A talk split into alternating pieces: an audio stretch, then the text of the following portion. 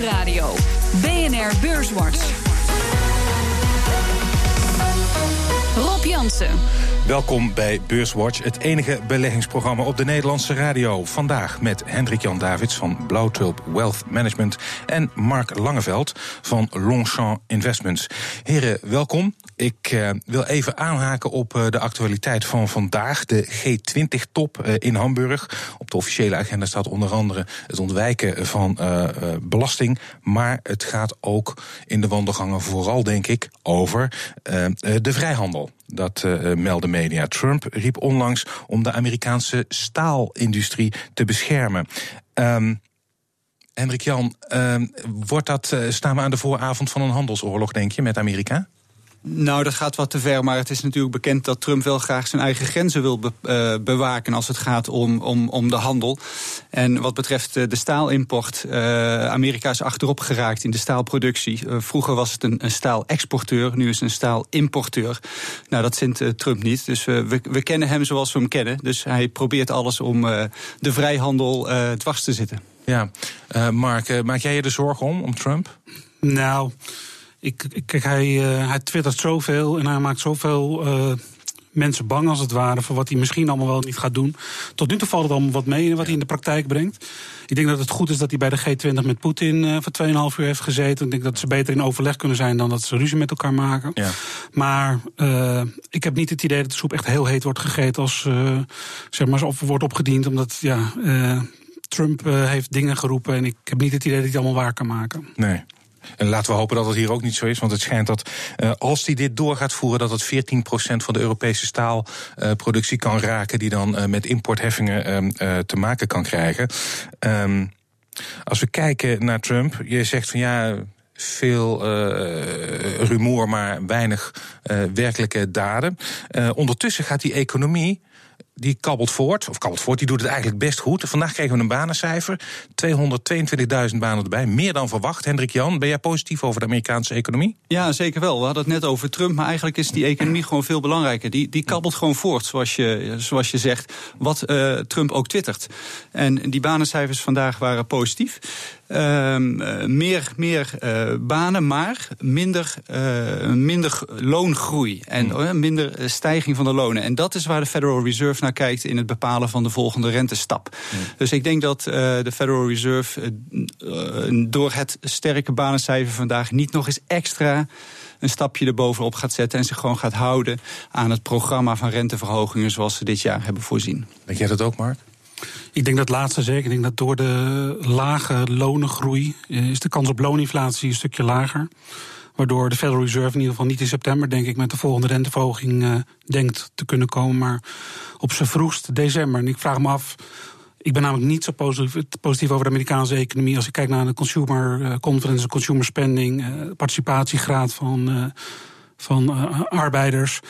Um, en dus vooral de schuldenpositie die weer behoorlijk is toegenomen. Daar ben ik niet zo positief. Dus ik denk eigenlijk dat die derde renteverhoging helemaal niet komt uh, hmm. later dit jaar. Ja. ja, ik zag ook dat inderdaad eh, de, de Amerikanen die nu ook weer op vakantie gaan... dat een, ik geloof de meerderheid daar ook een lening voor moet afsluiten om op vakantie te gaan. Dat, is, uh, dat lijkt me een gevaarlijke ontwikkeling. Ja. Dus nou, we staan eigenlijk weer aan het begin van waar we stonden toen de crisis uitbrak. Ja, als je kijkt naar, naar nog erger, want ik denk dat de schuldpositie is met zo'n 75% toegenomen sinds 2008. Terwijl je normaal gesproken uit een crisis komt door schulden te saneren. Maar als je nu kijkt naar creditcard debt, student loan debt, uh, ja, alle, alle soorten overheidsschulden. Dan uh, gaat het allemaal de verkeerde kant op in Amerika, mijns inziens. Waardoor hmm. vroeg of laat toch weer een, uh, een issue naar boven gaat komen, zoals in 2008. Ja, en heeft dat dus. Misschien is juist die lage loonstijging, waar de beperkte loongroei. is dat niet het lange termijn probleem van die Amerikaanse economie? Ik denk dat het beter zou zijn inderdaad als die loongroei uh, hoger zou liggen. Uh, maar ik vind het wat te vroeg om Amerika af te schrijven. Ik uh, herinner me nog tijden, eind jaren tachtig, dat, dat er ook ontzettende tekorten waren op de handelsbalans en de begroting. En toch elke keer weet Amerika weer een weg te vinden om er economisch sterk uit te komen. Dus ik behoor niet tot, tot de Amerikaanse doemdenkers. Mm. Um. Ja, ik begon uh, over de G20 en uh, protectionisme. Um, maar de eerlijkheid gebied te zeggen dat wij in Nederland ook wel wat kunnen als het gaat om protectionisme. En dan denk ik met name aan Axo Nobel, Unilever. Uh, en uh, als daar buitenlandse interesse voor is, dan staat de politiek uh, in Den Haag op zijn achterste poten. Minister Kamp die zint op het invoeren van bedenktijd in geval er sprake is van een buitenlandse ongewenste of vijandige overname. Maar ook als die ongewenst is, zou die willen ingrijpen. De Tweede Kamer denkt aan een overheidscommissie die dat soort overnames vooraf moet goedkeuren of afkeuren. Um, Mark, wat vind je van die plannen die er nu leven? Kijk, aan de ene kant denk ik, het is goed om Hollands glorie te beschermen. Maar anderzijds, wij Nederlandse bedrijven, zeker de jaren 80, jaren 90, zijn zeer actief geweest in het buitenland met overnames. Ja. En het voelt wel een beetje raar dat we nu opeens allerlei maatregelen denken te moeten nemen om vrije kapitaalmarkten zeg maar, tegen te werken. En natuurlijk, als het politiek wenselijk is om dat te doen, denk ik wel uiteindelijk dat de conclusie wel gaat zijn dat Nederland als beleggingsland voor buitenlandse beleggers minder interessant gaat worden. Wat tot dalende koers in de toekomst zou kunnen leiden. Dus het, het, heeft wel consequenties door allerlei beschermingswallen of in ieder geval mogelijkheden op te werpen. Ja, maar je bent niet heel erg falikant tegen. Jij hebt Jij houdt ook wel van Hollands glorie en vindt dat het in Nederlandse handen moet blijven. Ik vind nou, ik, of, of, ik, ik, hou wel van Hollands glorie, maar ik vind niet dat ten koste van alles en ook van je eigen principes, bij wijze van spreken je uh, beschermingswallen moet gaan opwerpen, zoals de Duitsers en Fransen dat uh, veel noodwaarder hebben gedaan in het verleden. Ja. En als ik puur kijk naar de Nederlandse bedrijven, de ING's, de Egons, de, hoe die in het verleden allemaal in het buitenland en met name in Amerika acquisities hebben gedaan, daar heb ik nooit een, uh, een weerstand tegen gehoord. Dus wat dat betreft vind ik het wel een beetje hypocriet om uh, van Nederlandse zijde nu zo actief tegen al die uh, beleggers uh, tegen in te gaan. Of die bedrijven die overnames willen in te gaan. Mm, hoe sta jij erin, Hendrik Jan? Ja, we, we, een paar minuten geleden mopperen we op Trump dat hij zijn staalsector wil, ja. wil beschermen. En wij hier in Nederland hebben het in de Tweede Kamer inderdaad over, over een jaar bedenktijd voor het overnemen van bedrijven. Dus ik vind dat een beetje een dubbele moraal dubbele moraal. Um, ja, misschien, uh, we, zijn er in ieder geval nog niet klaar mee, want er is ook, vandaag is de Elliott Advisor, de, de inmiddels 9,5% aandelen Axo Nobel hebben ze in handen. Uh, die gaan weer een rechtszaak beginnen, willen een buitengewone aandeelhoudersvergadering. Um, want, want, zeggen ze, die voorzitter van de Raad van Bestuur, van de Raad van Commissarissen moet weg. Um, gaat het ze dit keer wel lukken voor de rechtermarkt, denk je? Nou, ik, dat weet ik niet. Ik ga niet op de stoel van de rechter zitten. Maar ik weet wel dat de ondernemingskamer bij zijn vorige uitspraak wel de ruimte heeft gelaten om bij de kantonrechter uit te laten zoeken of zeg maar, het bestuur van AXO en de commissaris van AXO uh, rechtmatig hebben gehandeld door zich op te stellen zoals ze zich hebben opgesteld. En ja, die case die zet Elliot nu in, in werking. Ja. Ik denk qua beeldvorming dat Elliot wel een beetje de naam of de, het imago tegen zich heeft ja. om uh, zo'n zaak heel makkelijk te winnen. Ja. Dus ik denk dat het wel moeilijk voor ze gaat worden. Maar dit is iets, een recht wat ze hadden vanuit de uitspraak nog van de ondernemingskamer. Ja, plus dat ze een onderzoek hebben gedaan. ze, zijn, ze zijn, het zijn slimme boefjes. Uh, waaruit blijkt dat uh, een derde uh, van de aandeelhouders uh, die vindt, is, is ontevreden. Ehm, die zegt dat het onprofessioneel is. Kortom, er is best wel ontevredenheid bij een veel grotere groep van aandeelhouders. En daar zal de rechter misschien, dus het is niet alleen Elliot, maar het is een veel grotere groep. En dat kan de rechter misschien nog tot andere gedachten brengen. Of Ziet dat iets te... Nou, dat, dat zal absoluut een van de argumenten van Elliot zijn. Maar ik denk ook dat Axo Nobel afgelopen weken, maanden druk doen is geweest om beleggers eh, wereldwijd te bezoeken. Mm. Of aandeelhouders te bezoeken en eh, het gesprek met ze aan te gaan. Mm. En ja, het ene gesprek eh, kan je dan weer afzetten tegen het andere gesprek. Maar ik denk dat ze allebei kunnen uitleggen dat, uh, dat er iets voor te zeggen valt voor hun standpunten. Dus ik kan me niet voorstellen dat hier de rechter links of rechts afgaat ten opzichte van wat we nu weten. Nee, ja, we, zullen het, uh, we zullen het moeten uh, afwachten. Um, nog even uh, de rente. Uh, iets heel anders dus. Uh, als ik naar. Ik heb ook wat grafieken bekeken van de tienjaarsrente in Nederland en Duitsland. Want dat zijn met name de rentes die de afgelopen periode hard zijn gestegen. Um, Hendrik Jan, wat zijn de belangrijkste consequenties daarvoor voor beleggers? Nou, uh, we hadden het er voor de uitzending even over. Voor, voor aandelenbeleggers is het natuurlijk vooral de vastgoedsector die, uh, die hierdoor geraakt wordt. Dus als je uitgaat van een verder stijgende rente, is dat een sector waar je niet in moet zitten. Nou, de bankensector profiteert natuurlijk weer vanwege haar verdienmodel van, uh, van die hogere rente. dus op die manier raakt het beleggers wel degelijk.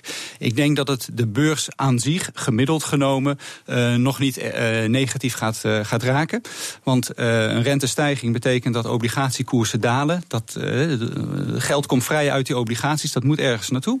En de rente is nog, nog steeds op historisch laag niveau. Hmm. dus we hoeven niet bang te zijn dat bedrijven zich niet kunnen herfinancieren of, of daardoor in de probleem, door hoge rentes in de problemen kunnen komen. Dus ik zie het niet als een, als een, als een belemmering voor, voor een positief aandelenklimaat. Mark, eens?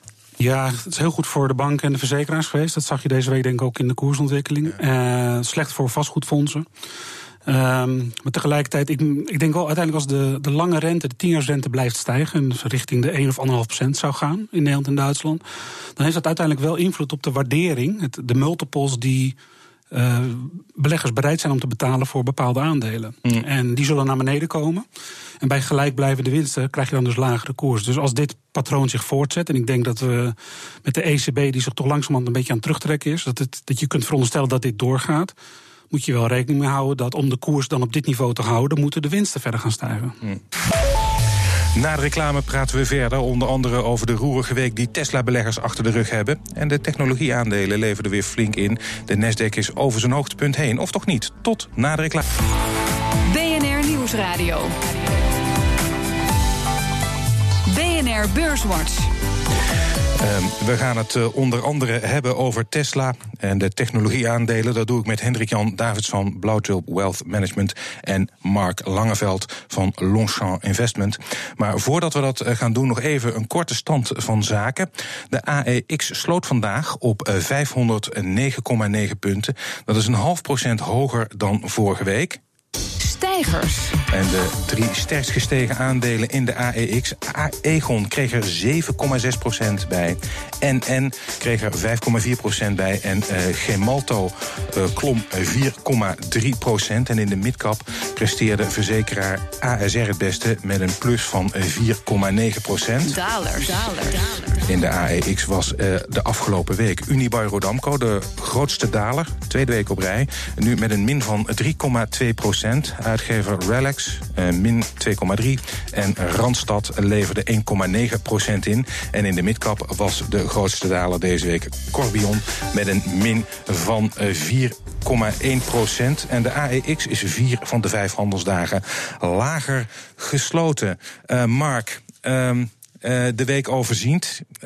Wel een half procentje erbij voor de AEX, maar uiteindelijk vier dagen lager gesloten. De, de, het, het, het, kwartaal begon goed, maar het is alweer weg, lijkt het. Ja, nou ja, je ziet het momentum natuurlijk in die financiële aandelen... die een groot deel van de index natuurlijk vormen, wat goed is geweest. Ja. Uh, maar ja, je zegt zelf vier dagen laag gesloten en dan toch met een klein plus. Ja, de, het is nog een beetje afwachtend qua richting uh, welke kant we op moeten. En dat heeft natuurlijk ook te maken met die oplopende tienjaarsrente. Ja. Wat beleggers een beetje schuw maakt. Uh. Ja. Ja, uh, schuw en vooral inderdaad uh, de vastgoedbeleggers met Unibail Rodamco, uh, Hendrik Jan, als de grootste daler. Ja, ja, ik denk dat we daar nu misschien even niet in, in moeten zitten in die vastgoedsector. Maar goed, het, de, de, sector heeft wel een aantrekkelijk dividendrendement. Dus als ja. je er voor de langere termijn in zit, dan ben ik daar nog steeds niet zo bevreesd voor. Ja. Nou ja, ik hoor toch, inderdaad, ik, ik zie het nu dalen op, op de rente. Um, maar je, je, leest ook zo links en rechts wel hele positieve verhalen, met name over de Europese vastgoedsector, dat daar nog best wel uh, wat, wat groei in zit, Mark.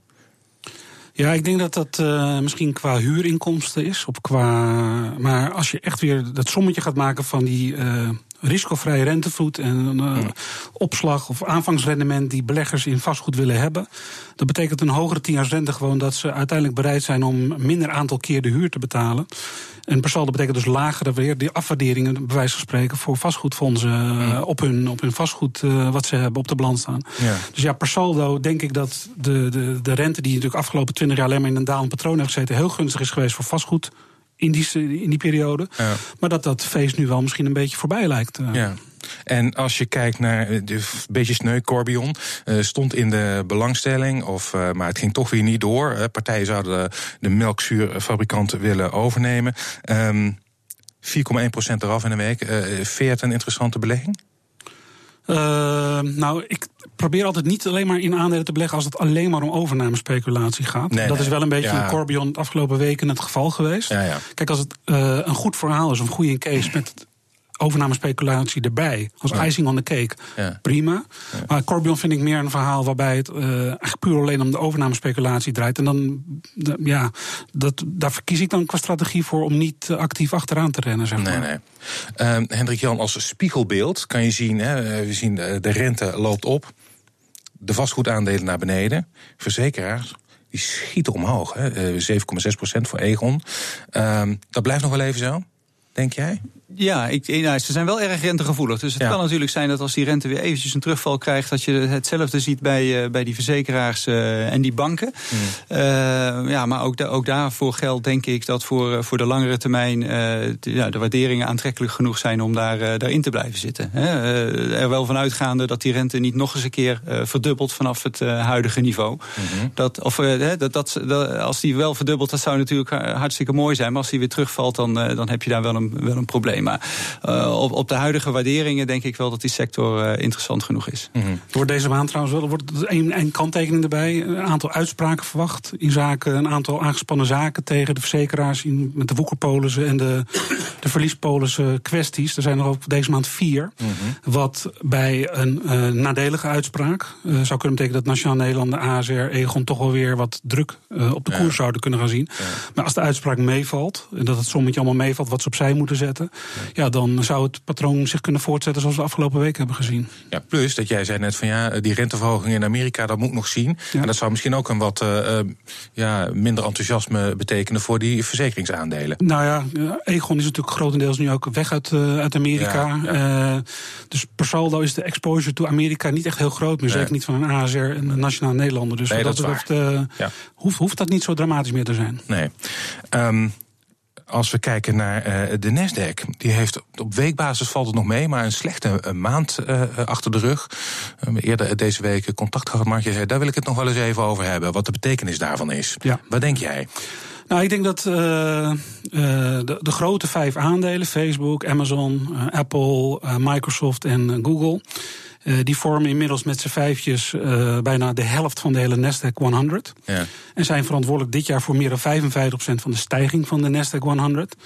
Dus op het moment dat jij als eh, ETF-belegger of indexbelegger denkt: van, Nou, ik stal mijn geld in een, eh, een, een, een ETF die, de, eh, die gespreid de Nasdaq volgt, dan zet je eigenlijk de helft van je, je dollar zet je in die vijf aandelen. Waardoor de inflow in die ETF's is weer fenomenaal geweest dit jaar. Waardoor eh, die vijf aandelen nog duurder zijn geworden dan dat ze al waren. Ja, dat is natuurlijk een patroon qua eh, kapitaalflows waar ik me zorgen over maak. Op het moment dat zich namelijk dat omdraait, door wat voor reden dan ook, dan krijg je hetzelfde patroon in omgekeerde zin. En de waardering van die vijf grote aandelen, ondanks dat het mooie bedrijven zijn, die liep wel een beetje de spuigaten uit. Ja.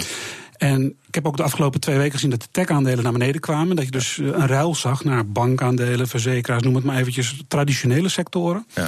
Dus het lijkt er een beetje op alsof technologie eh, gepiekt heeft. Op basis van wat dit, dit patroon. ja. Hendrik Jan, denk jij dat ook? Ja, voor de, voor de korte termijn wel. Of voor de lange termijn is het natuurlijk fenomenaal dat drie indices, de Dow Jones, de S&P en de Nasdaq, eh, dicht bij all-time high eh, niveaus eh, zitten. Dus om, om weer een top uit te roepen zo, hè, voor de Nasdaq zoals in 2000, ik denk het niet. Ik denk dat op de langere termijn die index wel, wel, wel verder te gaan heeft. Maar misschien moet er nu eventjes wat lucht uit voor de kortere termijn. Ja. Jij denkt ook voor de kortere termijn of voor de lange termijn? Want, en ik vraag dat met een reden. Pardon.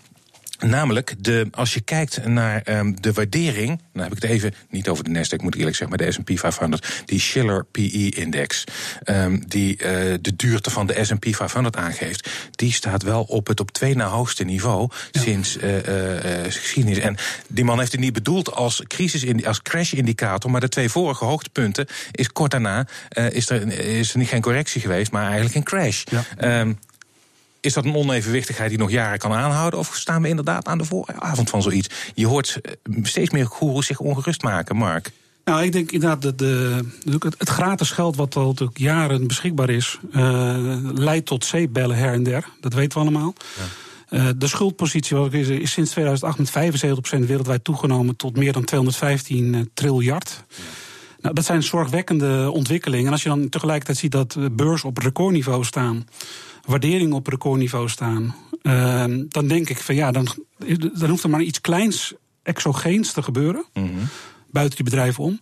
En je hebt een, eh, een nieuwe crash te pakken. Nou, ben ik, wil ik niet als eh onheilsprofeet of als doemdenker hier op de radio overkomen. Maar je, je moet er zeg maar, als belegger wel rekening mee houden dat die euforie die je eigenlijk gewend bent in je portefeuille de laatste tijd dat je daar misschien af en toe best wel eens winst op mag nemen. En eventjes aan de zijlijn mag gaan staan. En misschien even een ander beter moment kan, kan afwachten. En ik denk, gezien alle risico's die er momenteel zijn, dat mm. het op dit moment niet verkeerd is om af en toe wat winst te nemen. Mm.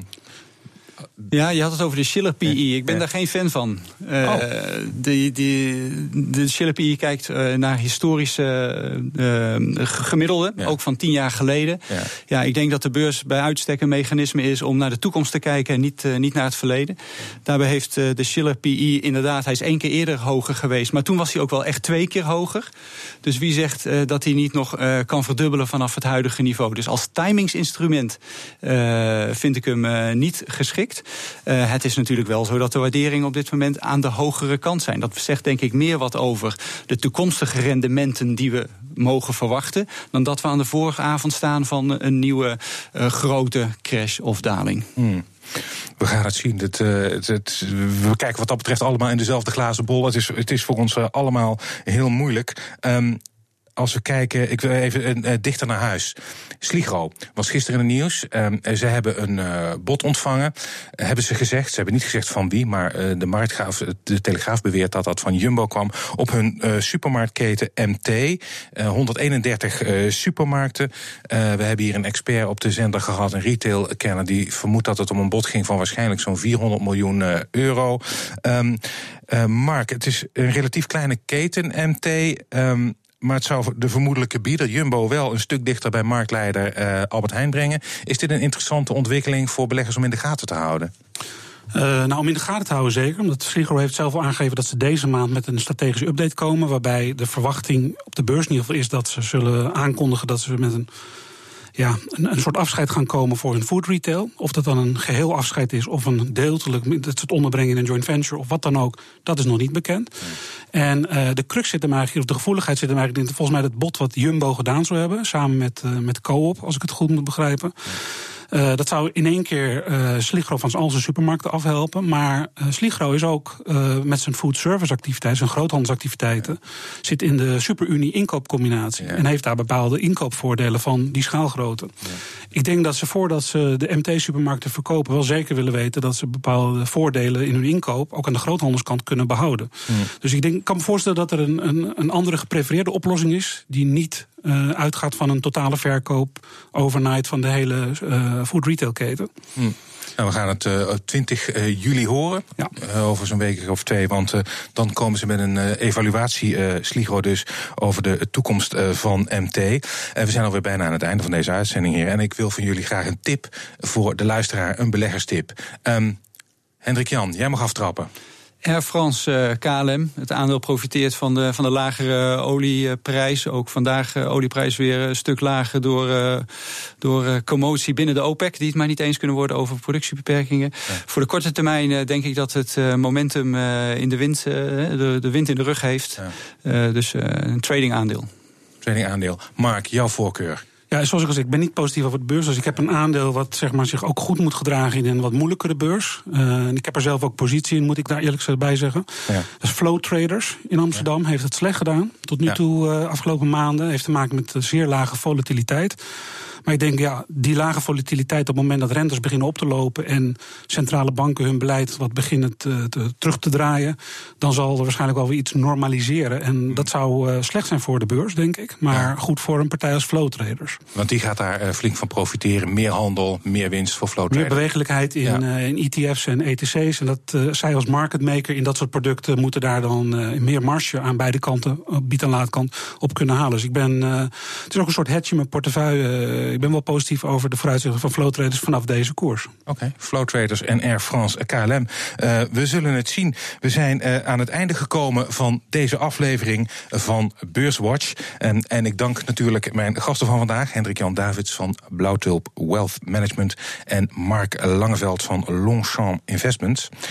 Volgende week is er uiteraard weer een Beurswatch. En deze uitzending die kunt u naluisteren op de website van BNR of via de BNR-app. En heeft u nog vragen, dan kunt u een tweet sturen naar Rob of BNR. Dank voor het luisteren.